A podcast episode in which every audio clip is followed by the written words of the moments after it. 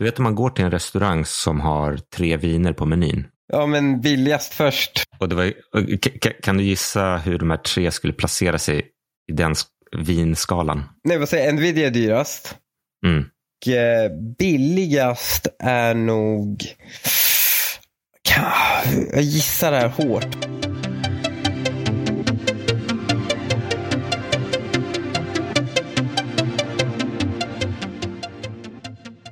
Du skickade mig en eh, riktigt bra dokument i veckan. Vilket av dem? Den om eh, där Goldman Sachs analyserar vilka investeringar man bör göra för att rida AI-vågen. Ja, precis. Och I förra avsnittet så pratade vi om att eh, eh kolla på chiptillverkarna.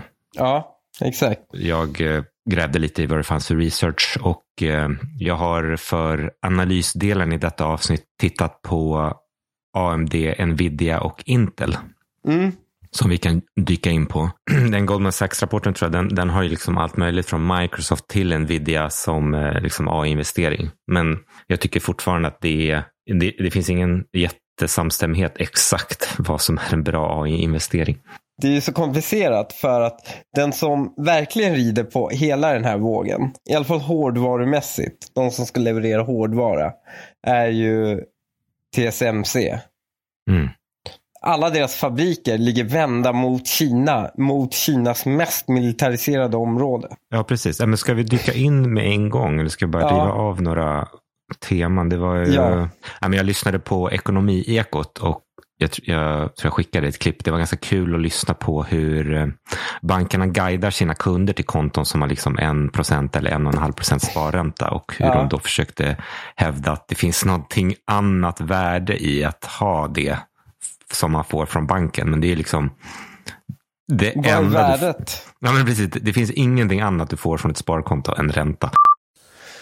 Storbankerna tipsar om att buffertspara på sparkonton som ger betydligt lägre ränta än de bästa på marknaden. Räntorna på de kontona har inte alls, alls höjts i samma takt som Riksbankens styrränta. Swedbank har lägst ränta på det sparkonto banken rekommenderar, 1,1 procent. Jens Henriksson är vd på Swedbank har vi ett väldigt bra erbjudande på sparkonto. Och det är ju så att vi erbjuder då ränta för alla våra sparare på alla deras sparkonto.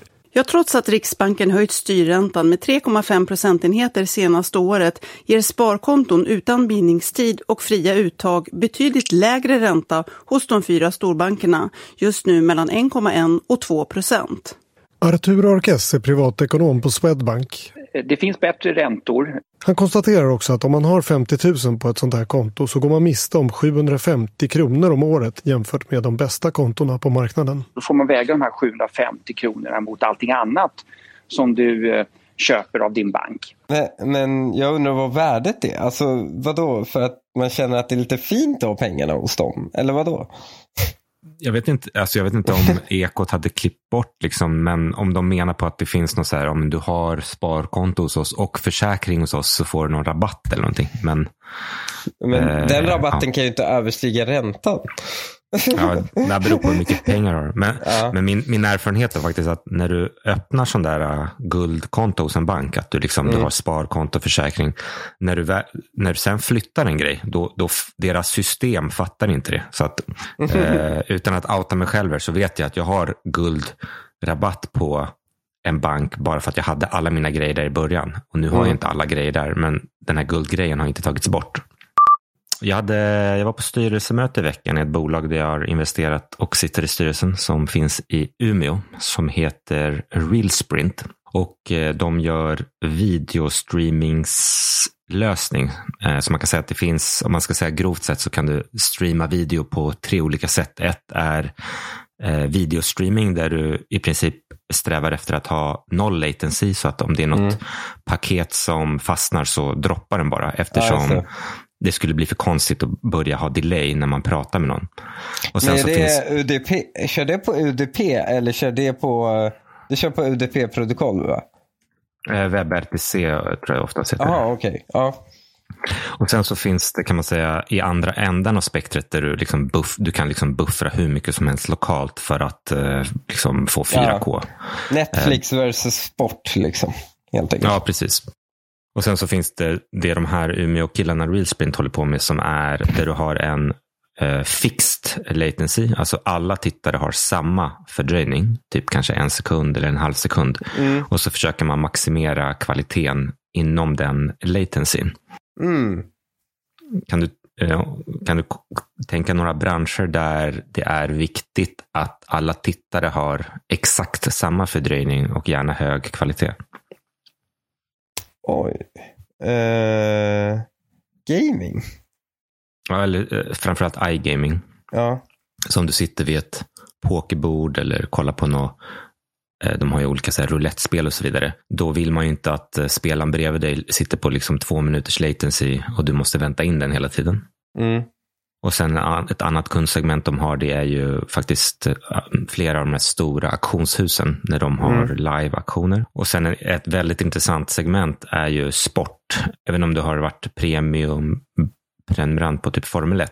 Men då när du byter kameravinkel så buffrar den om. Så du hamnar ja, liksom... Man hamnar efter ja.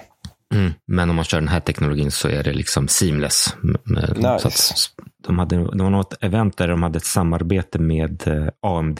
Där de, AMD eh, skulle visa upp något nytt chip och eh, hur bra det gick att streama. Det finns något nytt protokoll som heter AV1. Ja, AV1 har blivit den nya crazen att göra um, hårdvaruchip på, på grafikkorten. Exakt. Nej, exakt. Och Winroll eller Realsprint är bland de första som har eh, liksom väl, så de har samarbete både med Oracle, Google och AMD för att visa den här nya AV1-teknologin. Så den enkoderas ju på hårdvaran så att din tv eller så vidare måste ha det här AV1-stödet. Men mm. det blir ju fler och fler. Så att det blir ännu högre kvalitet, låg latency. Mm. Det, som jag har förstått det så har det liksom, AV1 har slagit ganska bra. Uh, för de som backar upp AV1 är liksom Amazon, Cisco, Google, Intel, Microsoft, Mozilla och Netflix. Ja, precis. Det är ju man behöver inte betala licensavgifter för den. Så att Nej. de vill ju att om din tv stödjer AV1 eller din device stödjer AV1, då ska den prioritera AV1-streamingen. Annars mm. så måste den ju falla tillbaka på andra protokoll. Men det är i varje fall det de här Umeå-killarna sysslar med, så det är en spännande investering. Det är alltid, alltså, du, har varit, du har nog varit mycket i småstäder. Det är alltså kul. Mm. Man hör alltid, det är alltid så mycket stories om någon lokal person. Alltså det, är så lätt att vara, det är så lätt att bli, vad ska man kalla det, kändis eller vad man ska kalla det. Ja, ja. Och att det är ofta de här småstäderna som någon liksom kommer med något galna projekt och får med sig kommunen och får med sig massor med bidrag. Ja. Och sen så går jag det ofta vet exakt åt helvete. typen du menar. Mm. Jag har varit omkringguidad av så många sådana på besök. När man är typ så här, ja men det är någon kollega som bara, ja men skulle du kunna tänka dig komma upp till mitt län. Eh, och så gör vi ett besök, så gör vi typ ett, en hel dag ihop. Man bara, ja ah, sure. Så åkte man upp från riksdagen till då någonstans Jämtland eller Värmland. liksom. Och sen så ville de visa typ så här, någonting som är väldigt mycket den staden eh, som är viktig för dem. Någonting de tycker är coolt och sen typ ett möte med medlemmar. Och det de tyckte var coolt var alltid någon typ så galen entreprenör som bara, vi ska göra Europas största inomhustunnel skidbanan och har fått med sig kommunen på att betala det här. och de, de har guidat och de guidar den exakt alltid innan det öppnar. Så det är inte en flopp än. Förstår du? De tror verkligen på det här då. Jag blir nästan lite sugen på att man skulle liksom flytta till någon småstad och bli en sån här galning. Typ ja. åka runt i en röd Ferrari, få med sig kommunen och sen så bara köra något galet projekt. Så är man liksom i ett halvår så är man kändast i, byn och får komma in på alla nattklubbar tills, eh, tills, man, blir, tills man blir hånad. ja. Precis som du var inne på så jag gillar ju småbolag och här pratar vi ju inte småbolag. Nej. Ehm, jag kommer ihåg att du sa, vi, vi ehm, pratade förut så här, om man, invester, om man, om man på 1900-tal eller 1901 liksom, mm. såg så men det, här med, det här med bilar kommer nog bli större än hästar. Mm. jag ska investera i bilföretag. Så förlorade man förmodligen pengar för de flesta konkade. Mm. Och några klarade sig. Men då sa, då sa du, ja men olja gick ju bra. Världens tredje största börsnoterade bolag är Saudi Aramco. Ja, just det. Och sen på samma tema då, världens sjunde största bolag är Nvidia. Mm. Och världens femtonde största bolag är TSMC. Mm. Det har ju varit liksom den nya oljan helt klart. Eh, att göra halvledare eller mikrochip. Mm. Om man ska titta på de här tre bolagen. Det är, finns, det är inte helt rätt liksom att man tar just de här tre. Men nu har jag gjort det. Det finns liksom andra bolag och de här är inte helt överlappande och de gör lite olika saker. Men de gör väldigt mycket saker ihop också. Ihop och kors och tvärs. Mm. Men det första jag känner när jag kollar på de här till Nvidia, AMD och Intel. Du vet om man går till en restaurang som har tre viner på menyn. Ja. Vet, vet, hur är det upplagt då? Det är så här, rött, vitt eller? Uh... Nej, men om det är tre röda liksom. Jaha. Ja, men billigast först. ja, men det, det är typ så här, en som är lite överprisad och en som ja. är lite billig och så liksom de flesta tar mitten. Ja. Och det var, kan du gissa hur de här tre skulle placera sig i den vinskalan? Okej. Okay. Jag skulle nog säga att eh, det var AMD, är, nej vad säger jag, Nvidia är dyrast. Mm. Och eh, billigast är nog, jag gissar det här hårt, AMD. Nvidia är helt eh, klart dyrast. Ja. Eh, värderingen och eh, market cap och allting. Sen är väl Intel är liksom, skulle jag säga, det billiga vinet i det här Är fallet. det? Ja. Va? Och sen är liksom AMD det här uh, mellanalternativet där mm. liksom, som verkar mer liksom rimligt. Okej. Okay.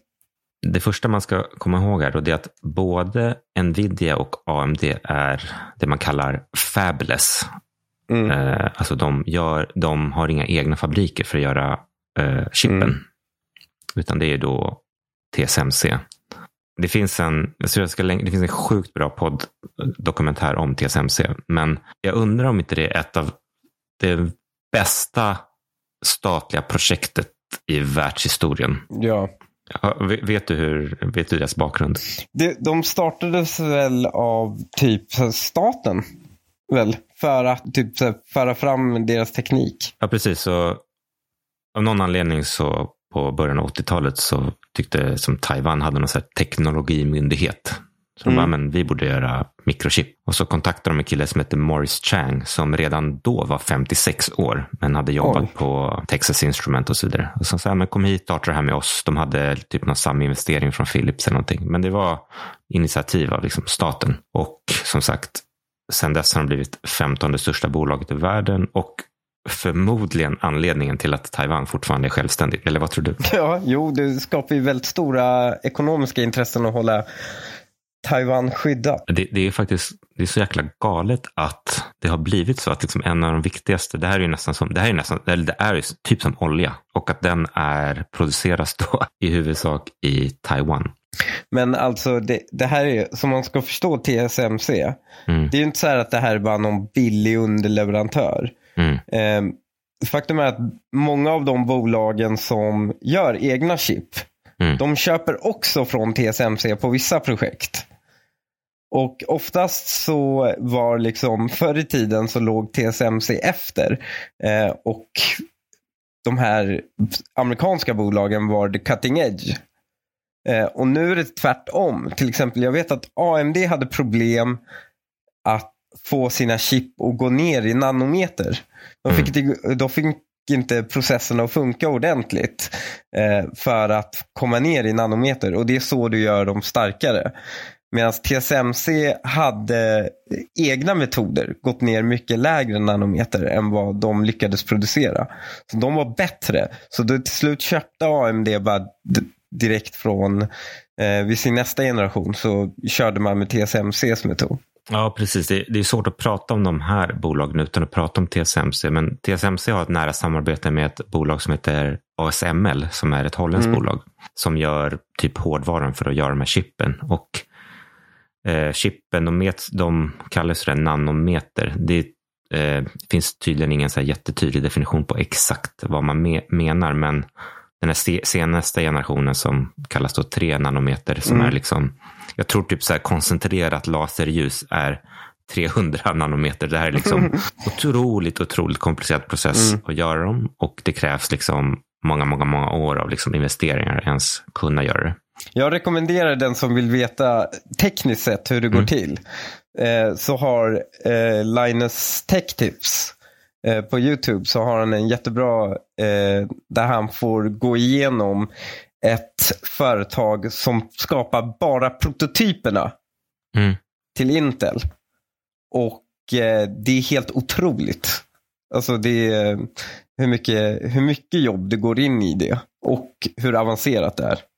Och hur dyrt det är. det finns sån data på typ att för, för 20 eller 30 år sedan då fanns det kanske 20 bolag som kunde göra den sen, senaste generationens chip. Mm. Och nu tror jag att det är bara Samsung, eh, TSMC och eventuellt någon till som kan göra mm. de här senaste. Sen är det såklart att det är massor med devices som inte behöver eh, liksom tre nanometer chippen. Nej, men de blir ju snabbt norm. Ja, precis. Jag tänkte, jag ska bara spela upp en grej till dig. Jag ska se om du, du eh, får en association eller inte. Skicka länken.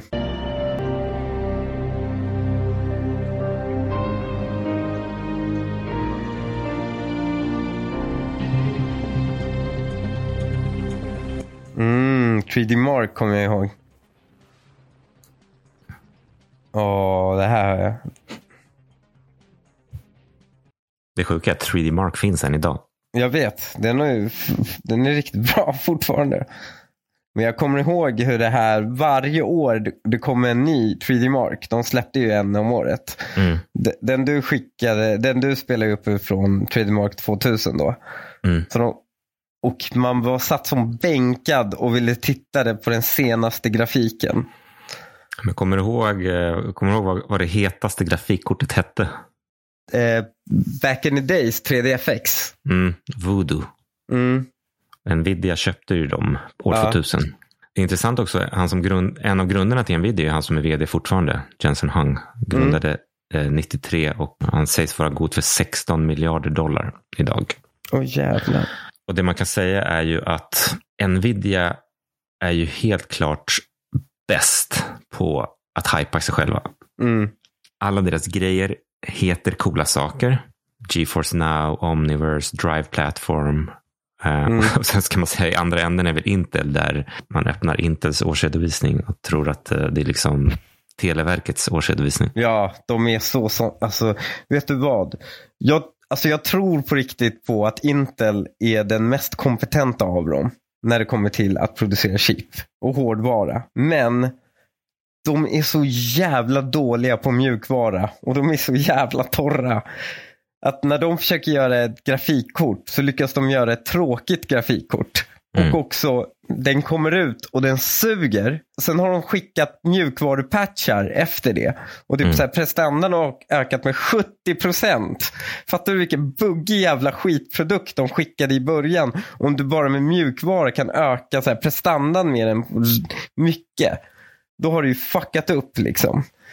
Och det är Intels jävla problem. De är så dåliga på mjukvara. Och det är en, en stor del av grafikkortsbranschen är mjukvara. Drivrutinerna. Särskilt om du ska ha gamea liksom på dem. När jag kollade på Intel så blev jag påmind om ett program som jag var med i i Utbildningsradion. Som heter Drömsamhället. Mm. Jag vet inte om du någonsin såg det. Nej. Eh, det spelades upp på så skolor. Så var det så här, det var Ja, liksom eh, kapitalism mot, eh, var det den? Som, ja, precis. Så liksom, Marknadsekonomi mot eh, ja, planekonomi typ.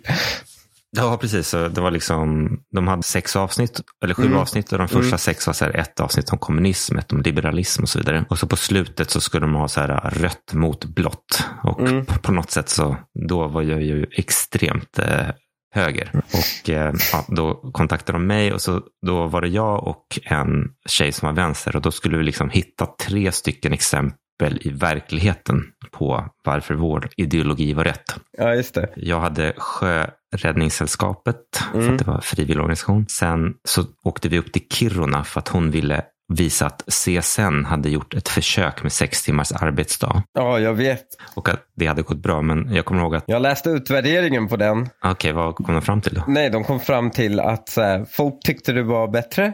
Men de såg inga hälsofördelar överhuvudtaget med det. För jag vet att i programmet, jag var, alltså jag var ju sjukt dryg människa, eller dryg högerperson på den tiden, men jag vet att de bara, Daniel, vad tycker du om det här? Det här verkar ju jättebra med sex timmars arbete. Så jag, så här, jag, jag, jag, sa typ så här, gjorde ni en utvärdering om folk tycker om att jobba två timmar längre till samma lön? alltså ironiskt fråga. Ja. För det är såklart, de, ni hade inte behövt utvärdera det. Det hade kunnat, ni hade kunnat liksom gratis meddelar. Sen så åkte vi till Irland eh, och jag tror att det var, det var någon det var något jävla märkligt att vi hamnade på Irland. Jag vet inte riktigt varför, men jag var tvungen att hitta något case på Irland. Då åkte vi och besökte Intel. Så här stod det i beskrivningen. Irland har med låga skatter lockat till sig både företag och arbetskraft. Daniel tar med sig Ida till företaget Intel för att övertyga henne om att det här är den rätta vägen att ta. Jag vet, det var väl lite krystat där egentligen. Vet fan bara för att Intel flyttade dit för att de har låga skatter. Jag kommer i alla fall ihåg att det är verkligen som att gå runt på ett, en operationssal fast hela byggnaden är så. Intel har i alla fall deras det har inte gått så bra för dem senaste tiden. De hade sin största förlust i företagets historia. Ja. Och eh, deras vinst har i princip gått ner till noll. De har stor skuldsättning. De har under en lång period underinvesterat kan man säga i eh, capex. Jag tror att TSMC har investerat, jag tror att det är storleksordningen 15 eh, miljarder dollar. Och de har istället fokuserat på aktieåterköpsprogram. Åh nej, de är dåligt mm. styrda. Men nu verkar de liksom ha vaknat upp och nu, och nu så har de sagt att de ska bli en foundry, en stor foundry. Alltså de ska göra egna chip då. Mm. Och det här går lite i linje då med att USA vill eh, ha chipproduktion i USA. Mm. Och inte vara beroende av utlandet. Och sen om man bara kort ska gå igenom, de har ju deras största affärsområde heter client computing. Mm. Och det är i princip eh, chip till eh, datorer och mm. servrar. Eh, eller för sig, de har ett annat affärsområde som heter data centers. Och sen har de network and edge. Och sen är deras de köpte bolaget Mobileye som är i princip deras automotive-del. Men den är bara 4% av omsättningen. Så det är den här client computing-delen som är det stora. Och idag är deras founder business väldigt liten. Men de ska då storsatsa på att utöka den. Men man skulle grovt kunna säga, och sen bolaget värderas till typ två gånger omsättningen. Så att det är, det är ett, man skulle kunna kalla det ett turnaround case om man mm. tror på att de lyckas. Jag, jag tror på dem. Jag tror delvis så kommer de få statlig backup. De går också in i GPU-branschen, vilket är viktigt för AI. Staten vill ha dem där. Det är ing, både Nvidia och AMD. De de är helt beroende av utlandet. Skulle de kunna dra igång produktion själva i USA? Inte lika lätt som Intel tror jag. Mm.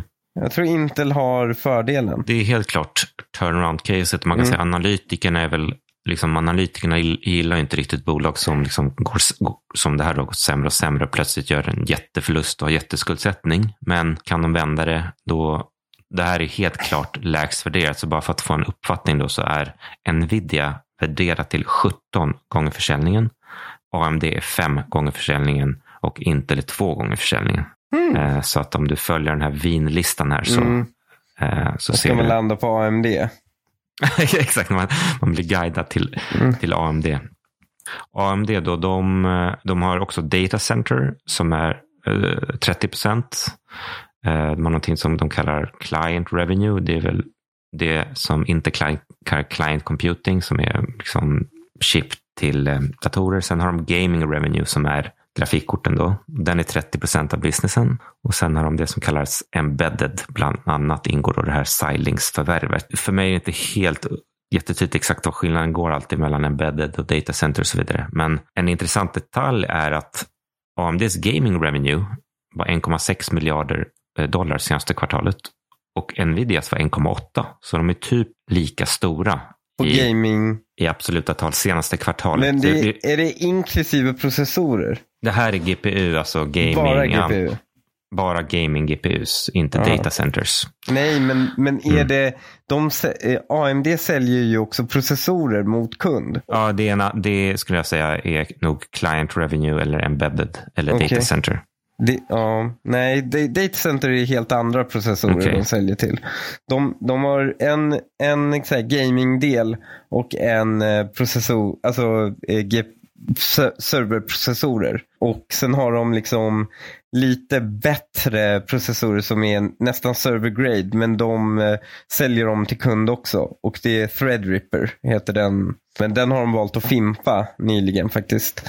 Men deras grafikkort låg ju tekniskt väldigt långt efter Nvidia ett tag. Men nu är de fan i kapp. De är inte över Nvidia, men de är fan i kapp. AMD har gjort en bra comeback, både på CPU-sidan och på um, GPU. Tillägga, jag, när, det har varit otroligt stora svängningar för alla de här bolagen, speciellt AMD och Nvidia mm. eftersom de hade sån jäkla covid-boost. Ja, det var, alltså, det var, de, Oh, gud, jag kommer ihåg. Jag gick och det var, jag ville köpa en GPU då. Alltså eh, uppgradera datorn. Jag blev så jävla provocerad. Alltså jag vägrade göra det till slut. För jag blev så jävla arg. Vem fan ska betala 36 000 kronor för ett grafikkort? Hur kan vi normalisera det här? Jag var så jävla förbannad så jag vägrade köpa. Och vad som skedde precis när covid släpper är ju att de kommer ut med nya generationer chip. Ingen får tag på, det var så en extrem brist på hela liksom, planeten. Så ingen fick tag på dem. Men sen kraschar krypto och hela internet svämmas över av grafikkort så priset bara rasar. Och under krypto också, krypto drev ju upp priserna för de köpte ju upp varenda grafikkort som fanns. Men eh, när det kollapsade så, så trodde de att de fortfarande levde på, under covid-tider och släppte så här svindyra grafikkort. Och ingen ville betala för det. Eh, så det har gått jättedåligt liksom, på grafikkortssidan. Det är väl det som kännetecknar det, inflationen. Man, man trycker mer pengar än vad det finns liksom resurser i samhället och då så köper mm. folk som egentligen inte borde köpt grafikkort, köpte grafikkort ja. och så blev det fel signal och nu får vi käka upp det där. Men vad som är intressant och vad den här värderingsskillnaden mellan AMD och Nvidia leder till. Eller en intressant faktor är faktiskt att, att Intel är den som faktiskt har mest omsättning, alltså i kronor och ören. Men Nvidia värderas helt klart högst och Nvidia har 30 miljarder i försäljning och AMD har 22. Mm. Men market cap för Nvidia är 500 11 och för eh, AMD bara 121 på grund av den här stora värderingsdifferensen. Och jag kollade också upp, Nvidia är det som ägs mest av småsparare som jag räknar ihop Avanza och Nordnet. Då är det 40 000 svenskar som äger Nvidia och 28 000 som äger AMD och 17 000 som äger Intel. Folk köper alltså det dyraste vinet, det är det vanligaste. Ja, alltså Nvidia är ju bäst på att marknadsföra mm. sig själv och det brukar funka bra för småspararna. Ett, ett, ett intressant sätt att se på att äga Nvidia det är att Nvidia är det sjunde största bolaget i världen. Så om du ska göra 100% avkastning på aktien, mm. då ska ju den upp då, här blir det från plats sju så ska den upp ovanför Amazon och bli plats fem och mm. bli 1,2 trillion. Och det finns ju någon så här, eller inom, ja, det, det, kan ju finnas en sån gravitationslag. Mm. I och för sig mm. inom, inom tech har det också ibland funkat åt andra hållet. Att liksom, ju större du är, desto snabbare växer du. Så Apple är topp på den här listan som jag har just som jag har framför mig. Men som sagt, Nvidia har ju, de har ju så coola namn på allting. Så de har ju GeForce Now som är deras cloud gaming-plattform. Och sen har de då Drive som är deras eh, automotive-plattform och så har de det här Omniverse som är deras virtuella 3D-värld mm. man ska kunna testa grejer. Har du läst på något om det? Ja, inte om, om Omniverse faktiskt. Mm. Men jag, jag har bara sett det blänk förbi, men jag har faktiskt inte läst någonting om det. Det är typ, eh, alltså det är lite mellan en spelmotor och virtuell värld. Du ska kunna träna dina AIs och så vidare. Men Automotive är ju, det är ju fortfarande väldigt liten del av det de gör. Men det är klart, om man tror på att den växer så kan den växa. Men även då Intel har ju Mobileye och eh, AMD har ju eh, deras förvärv Silenix ska ha en automotive-del också. Men data center och gaming är de två stora delarna i Nvidia. Jag såg en analys där titeln på Nvidia var Too expensive to buy, too hot to sell. Vilket ganska bra eh, sammanfattade, sammanfattade situationen. Vad har du för grafikkort? Eh, jag har en Nvidia. En, Vad sa du? Jag har en eh, Nvidia 980, en gammal. Mm. Den, eh, den behöver bytas ut.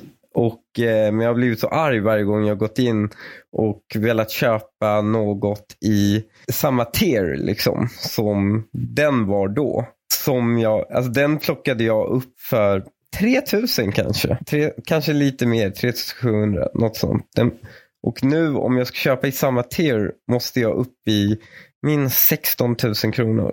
Det är lika mycket som en dat dator kostade en gång i tiden. Det och priset på mobiltelefoner är det som provocerar mig så oerhört mycket. För, och jag förstår verkligen det. Man lever hela sitt liv i den här apparaten. Men den kan omöjligen kosta lika mycket som en hel jävla dator.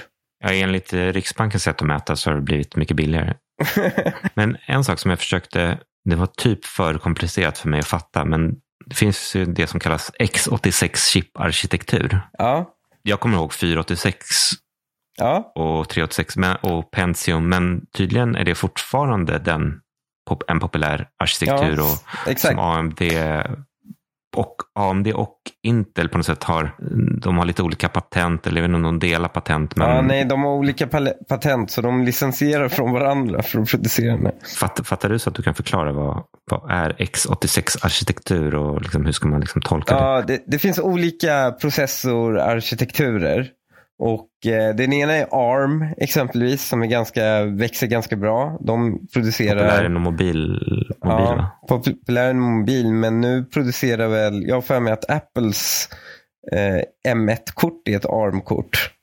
Mhm. Alltså, och M2-kort. Deras egna, Apple producerar ju eget silikon nu för tiden. Mhm. Eh, och egna processorer. Och jag har för mig att det är ARM. Eh, att de licensierar från ARM-teknologin för att göra de här. Och ARM är det väl det kanske nyaste. Sen finns det ju gamla RISK hette det, det Apple använde förut, RISK-kort. Och sen hade, vet jag, IB, var det IBM som hade något eget? PowerPC kallar de det. Men det var ett riskkort det också. Och då är X86 med- det, det är det vanligaste. Liksom. Det är det största. Det är, Men Nvidia gör ingenting på x86-arkitektur. nej, ingenting. De gör ju inte, de gör ju bara grafikkort. Mm. De rör ju inte CPU-marknaden. Och det är det. ATI var ju Nvidias konkurrent en gång i tiden som AMD köpte. Så AMD köpte sig grafikkortskompetens. Något Intel också borde gjort då faktiskt. Men de gjorde inte det. Det är därför Intel är kanske billigast. Intel borde ju ha köpt AMD då. Som motdrag. Alltså det, jag tycker det är så fascinerande liksom, utveckling hur liksom, GPUns betydelse och typ eh, hur, alltså, hur omöjligt det måste varit att förutse på 90-talet att liksom, ja, men, vi utvecklar det här för att 3DFX Voodoo Gaming, alltså, då tänkte ingen på krypto och definitivt inte att det skulle vara backbone för AI och självkörande bilar, tror jag. Nej. Eh, nej. Eller, eller så var han Jason Wang otroligt förutseende. han är ju också jävligt eh, dröm-vd i det, liksom att han, han går ju runt i läderjacka eh, alltid. Han, har ju kör, han, han körde ju någon presentation där han själv var AI-genererad och liksom massor med coola grejer som Intels vd nog eh, aldrig skulle göra. Och AMD har faktiskt en kvinnlig vd. Mm. Men den här Taiwan-risken då, den är ju brutal i Nvidia och AMD. Om, om man skulle vara aktieägare i Intel, då skulle man typ så här, äh, hoppas på att Krig. Kina invaderar Taiwan. Ja, men jag tror eh, hela västvärlden har genom det man har åsamkat så att säga Ryssland upptäckt hur sårbara man är. Och eh, det är därför man nu vill gynna produktion i lokalt så att säga. Så att man inte är så beroende av eh, liksom ge- geopolitisk storpolitik helt enkelt. De här tre bolagen är definitivt inte heltäckande för sektorn. Det finns bland annat liksom andra foundries, andra som ASML och eh, liksom andra som gör självkörande teknologi och andra som gör AI-teknologi. De här tre de har verkligen liksom, de täcker på något sätt skalan av värdering och hur marknaden ser på de här tre olika bolagen. Alla tre bolagen hade ju all time high i 2021 under covid-boosten och sen har de fallit ungefär, eh, ja, Nvidia har väl inte riktigt fallit 50 procent, men de andra har typ fallit 50 procent. Så att eh, man är en bit från all time high, även fast det inte var för eh, så länge sedan. Skulle du vilja äga något av de här? Jag skulle nog hedga och äga allihopa. Alla tre, jäklar. Ja. Jag tror att eh, när AI slår så kommer alla ha svårt att hänga med och produ producera och alla måste producera. Jag tror det kommer gå för fulla muggar. Liksom. Om man ska sammanfatta liksom, analytikernas vy så är de flesta har den här vyn. Nvidia, skitfint företag, men övervärderat. Mm. Jag tror till och med Nvidia, eh, någonstans läste jag, eh, det kanske inte stämmer på dagen, men att Nvidia var lika mycket värderat som TSMC och AMD tillsammans. eh, men de två, TSMC och AMD, hade åtta gånger större eh, net income, det är väl vinst då, än Nvidia. Mm. Men om man ska sammanfatta då Intel, om man vill ha ett litet turnaround case, tro på den här onshoring av eh, foundry businessen. Ett liksom amerikanskt framtida TSMC. Eh, AMD är ju också Taiwan-risk, men det är väl liksom ett Nvidia men mindre hypat. Men det finns ingen anledning att tro att AMDs kort kommer liksom krossas av Nvidia, utan de mm. ligger liksom ganska bra. Och sen liksom Nvidia, ren GPU-fokusering, väldigt bra, mycket hypat, men samtidigt kan man säga kommer kanske fortsatt vara högt värderat för alltid. Mm, det är som också ett case för AMD vill jag bara säga att eh, AMD eh, har mycket mer energieffektivare eh, grafikkort oftast. Eh, och det är särskilt poppis i datacenters. Eh, det kan jag tänka mig. Jämfört med eh, Nvidia som gillar att suga mycket energi och producera värme. Ja, men apropå ESG så tänkte jag faktiskt på det att för, för, eh, för ett spritbolag som vi pratade om förut så finns mm. det liksom ingen Liksom att, att ungdomar dricker mindre är inte bättre för deras vinst. Men Nej. i det här fallet så är det faktiskt så att kunden vill ju ha lägre. Det är ju typ en, av de, en jätteviktig faktor för kunderna. Att mm. det ska vara lägre energiförbrukning. Så att det blir liksom på något sätt ofrivilligt ESG. Ja, absolut. Men det som finns är att energiförbrukningen ökar ju i alla fall. För att, men det utförs ju fler så att säga, uträkningar för den energin. Så de blir ju effektivare i relation till producerad, eh, producerade kalkylationer. Men de blir ju starkare och starkare hela tiden. Jag menar, med 300 watt kunde du driva din PC för inte så många år sedan. Så räckte det med att ditt PC Alltså din, ditt nätverk levererade 300 watt. Idag går det ju inte under 600, 700. Men datorn utför ju mycket mer. Ja, det är väl lite som jag brukar tänka när flygbolagen skryter med att de har lägre bränsleförbrukning mm. på, enskilda, på en enskild liksom på, på ett per kilometer för ett flygplan. Men mm. det leder ju till att det blir billigare flygbiljetter och att resandet totalt ökar förmodligen. det, den drar 10% mindre, men jag har ut, utökat min flotta med 200% Och eh, har du någon tanke om quant computing? Det är väl det som eventuellt skulle kunna disrupta hela sektorn? Ja, då måste man väl in i Google. De är väl längst fram i det.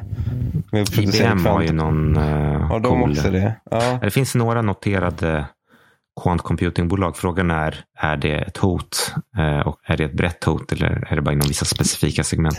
Jag kan inte så mycket om kvantuträkningar. Jag vet att den är bra på faktorisering. Jag är osäker på om faktorisering används vid eh, AI, för där är det flyttal. Och jag tror inte faktorisering hjälper så mycket där. Och Vad menar du med faktorisering för mig som är Faktorisering är eh, om du har en siffra, till exempel 100. Och så bara, vad, vad gånger det blir 100? Förstår du? Eh, och det används för att knäcka Ehm, lösenord. Eller krypteringar. så använder man faktorisering för att försöka gissa fram vad gånger det här är, vad är nyckeln? Vad har gångrats med det här och blivit det här? Och idag bygger kryptering på att det skulle ta för lång tid för en dator att försöka räkna ut det. Det skulle ta liksom universums livslängd för en dator att räkna ut det.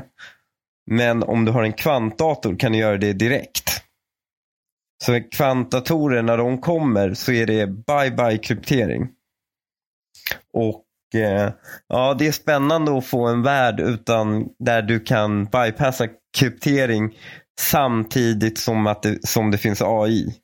Om en AI lär sig använda en kvantdator då kommer den ju kunna ta sig in överallt. Jag såg en serie på HBO som heter Devs. Ja, den är så jävla bra. Ja, den är faktiskt eh, mm. liksom välgjord. Och det var första gången jag såg en, eh, en bild på en kvantdator. Och, och när jag såg den i serien så tänkte jag att de bara hittade på. Så jag gick in och googlade på hur ser en mm. kvantdator mm. ut. Men den ser faktiskt helt, alltså den ser inte ut som någonting som jag någonsin har sett förut. Det ser ut som en hängande kristallkrona i taket. Eh, de ser faktiskt helt, eh, helt galet ut och eh, man måste väl kyla ner det till typ nära nollpunkten. Alla svar man får är väl liksom inom något statistiskt intervall som måste ha error correction och, och, och mm. potentialen är ju cool, speciellt inom fysik och sånt vad jag förstått. Jag vet inte om du såg det, men jag blev ju tyvärr, eh, får man säga våldtagen, eller kanske man blir åkte på en, eh, åkte på en eh, liten smäll i portföljen.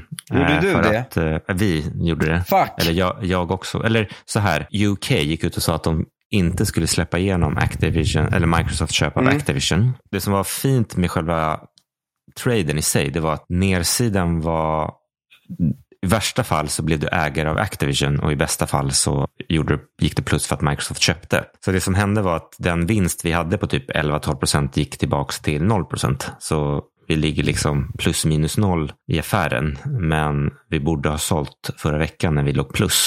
Du sa ju, vi får tacka för kaffet. Jag vet att jag sa det, men jag tryckte, jag tryckte aldrig på knappen. Nej, vad fan! Jag hade ingen bra ersättare med. Jag trodde faktiskt risken var mycket lägre att, någon skulle, att, någon skulle, att de skulle stoppa affären. Det konstiga var att dagen innan så kom det dessutom ut en nyhet att nu hade UK godkänt, eller nu de skulle godkänna. Jag tweetade till och med om det stolt att uh, här var det säkra pengar. Sen så blev man så gick det tillbaks plus minus noll. Skulle, man ska alltid gå på sin första instinkt. Och din första instinkt var tack för kaffet. Det är sant. Å andra sidan så har vi ju minskat förlusten lite i Tesla. Den var ju som högst uppe på 200 och nu har den fallit tillbaka till 164. Och, eh, jag, vet om du, jag skickade ARK som är eh, den här fonden som hånats för att de är så överdrivet positiva. De var ju ute med en analys där de hade då price target på Tesla var 2500 på deras bull och deras bear var 1400. Aktien är ju 160 nu så deras sämsta scenario för 2027 var att aktien ska tiodubblas. Och det som var lite märkligt i analysen då att de, de ser att 67 procent av vinsten i det här superscenariot ska komma från robotaxis. Va? Alltså dels även om det skulle vara helt självkörande bilar så förstår jag inte riktigt hur Tesla skulle tjäna så otroligt mycket pengar på det. Men, Men då skulle ju, alltså, är inte konceptet robotaxis helt enkelt bara folk har egna bilar och sen låter de köra taxi vissa tider? Jag vet inte riktigt vad de menar. Alltså, alltså Tesla skulle ha en egen taxibusiness då som var robotaxi. Eller att, eller, att, eller att de har det som, eller att de tar en procent på alla robotaxikörningar. Oj, okej. Okay. Dels är vi ju ganska långt från den typen av självkörande då, att man mm. inte ens skulle behöva chaufför. Och sen så som sagt så är det ändå svårt att veta exakt, jag menar om det skulle funka, hur mycket marginalen för att ha en taxi skulle pressas. Mm. Det är klart om Tesla skulle ha monopol. Eh, och sen har vi då Mag Interactive. Där hoppas vi på att det är de kommande kvartalen där deras stora user ja. acquisition ska börja få eh, resultat. Och nu är frågan, skulle man, ska man, jag funderade nästan på om man skulle köpa in AMD eh, samtidigt. Det var, det var liksom ingen så här, alltså, det är säkert, alltså, som ett långsiktigt case kommer det säkert funka. Sen är det svårt att veta om det kommer dubblas i år eller inte. Jag hade nog, jag tror på min strategi att dela upp det i tre och, och köpa i varje. Lite tråkigt för det blir, det indexportfölj nästan om vi ska ha sex innehav. Ja, men man ska sprida risk. Men jag tror i och för sig, okej, okay, men den jag tror comeback på är, um, jag tror Intel. Jag tror det är högast, högst risk på den, men också kan vara väldigt bra payoff. Intel har dominerat förr. Man kanske ska ta in Intel som ett turnaround case och då på det här uh, onshoring av uh, fabs. Mm. Uh, det är inte helt korkat. Inför nästa vecka, jag funderade faktiskt på att kolla på, jag var och bytte däck mm. till sommardäck. Jag blev lite sugen på att kolla på bland annat Nokian. Det finns ju några noterade däckföretag. Ah. Jag vet att det var någon lyssnare som ville att vi skulle kolla på LiDAR-teknologi. Jag hamnade lite på det när jag kollade bland annat på Mobileye. Mm. Lustigt nog så använde inte varken nya Volvon eller nya Lotusen som har LiDAR använde Mobileye. Utan de, det finns ett bolag som heter Luminar och ett bolag som heter Hesai. Båda är listade som mm. de använde. Så det skulle kanske kunna vara intressant att kolla på LiDAR-teknologi. Eh, frågan är alltså, om det kommer bli en ny standard. Men frågan är också, är det, bara, det är ju inte bara inom bilar man använder LiDAR väl? Bra fråga. Alltså för till exempel, jag, jag såg en gräsklippare, Ecoflow Blade, som är verkligen en robotgräsklippare som är otroligt bra. Den kostar i och för sig 36 000 kronor. Men den du behöver inte ha några kablar alls. Du kan liksom ha en sensor med mobilen.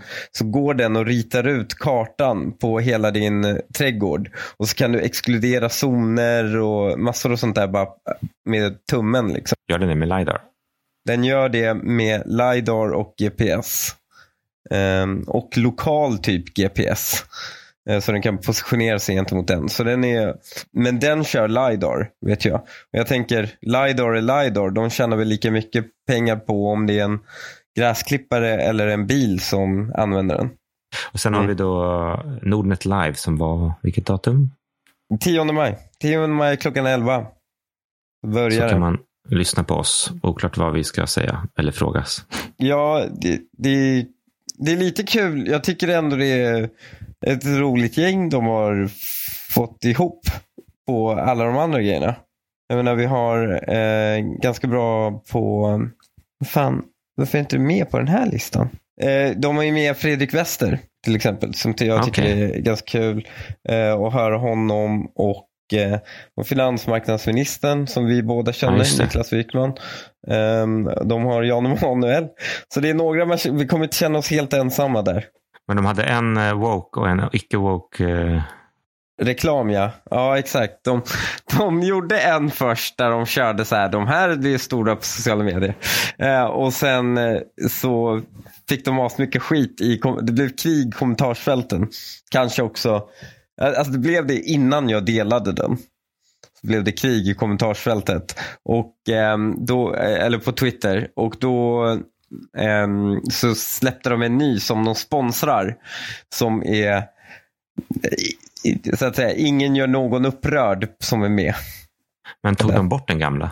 Nej, den är kvar. Den, den är kvar, kvar okej. Okay. Ja. ja. Det var att de pushar den andra. Vi får se om vi blir cancellade i sista sekunden eller inte. Sånt händer. Ja, men kul att eh, folk lyssnar. Hoppas ni har fått lite bättre känsla för uh, de här uh, chip, chipsektorn. Och uh, det, finns ju, det här är ju bara ett, ett smakprov. Det, det, är några av världens största bolag. Så på, det går liksom inte att gå igenom dem bara på en timme. Men, men, men, men, samtidigt är de ganska väl genomlysta och jag vet inte om man blir så mycket smartare av att spendera 50 timmar till. Så att, ja, tack för att ni lyssnade. Tack, vi syns.